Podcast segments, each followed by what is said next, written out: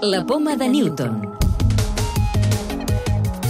En Purificació Barcelona. La combinació de dos fàrmacs ja existents aconsegueix mantenir vives les neurones després d'un accident, una lesió o una patologia que hagi danyat els nervis, cosa que permet la recuperació muscular i de mobilitat de l'àrea afectada. És el tema que tractem en profunditat aquesta setmana en el programa. També descobrirem un mecanisme que regula la metàstasi i sabrem què és la vitrificació. Investigadors de l'Institut de Neurociències de la Universitat Autònoma de Barcelona han utilitzat models computacionals d'última generació per buscar una combinació de dos fàrmacs que pogués actuar com a protector neuronal. Els dos medicaments, un per tractar malalts d'alcoholisme i un antivíric, s'han assajat en rates i ratolins amb resultats molt prometedors. Ho explica la directora de la investigació, Cati Casas. El que hem vist és que els animals tractats amb el fàrmac no només tenien més motoneurones, sinó que, a més a més, la regeneració nerviosa s'accelerava. Per tant, és una combinació que no és només neuroprotectora, sinó que, a més a més, accelera la regeneració nerviosa.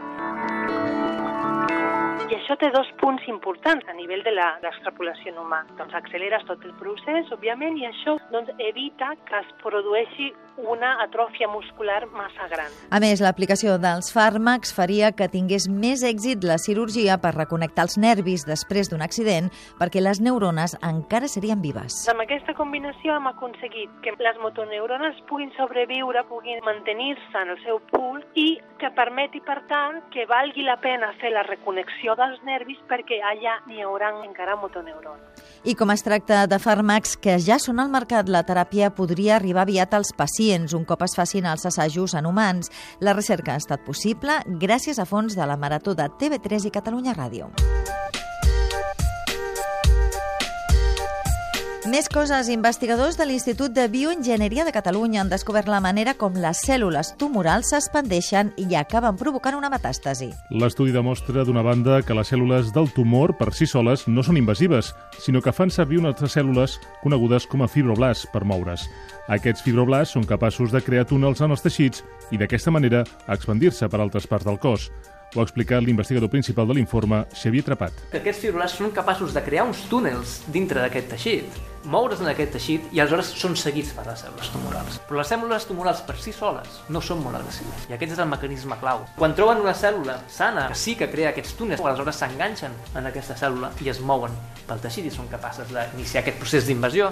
Identificant una proteïna que té un paper clau en el càncer de pàncreas més freqüent. La recerca l'han liderat investigadors de l'IDIPAPS i del Centre de Regulació Genòmica que han demostrat que els nivells d'aquesta proteïna són molt elevats quan hi ha càncer de pàncreas i que reduint-la s'aconsegueix alentir la progressió d'aquests tumors. Descobreixen que les aus tenen una mena d'ulleres de sol naturals. La troballa l'ha feta un investigador del CSIC que ha trobat una distribució no simètrica de la coloració de l'iris de les aus que podria estar vinculada amb una millor visió en diferents condicions de llum, de forma independent a l'obertura o bé tancament de la lineta dels ulls. La clau de volta.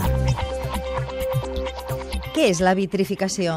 Miquel Soler, cap de criopreservació de l'Institut de Xeus Dona. La vitrificació és una criopreservació ultraràpida. Aquest pas es fa en qüestió de segon. El que ens reporta és que evitem el principal enemic de la congelació de cèl·lules, que és la formació de gel. Amb la congelació lenta provocava que, que algunes cèl·lules no sobrevisquessin al procés. Amb la vitrificació el que aconseguim és solidificar la mostra sense que hi hagi formació de gel. Recordeu que ja podeu descarregar-vos el podcast de la Poma de Newton o subscriure-us al programa per rebre'l directament als vostres dispositius.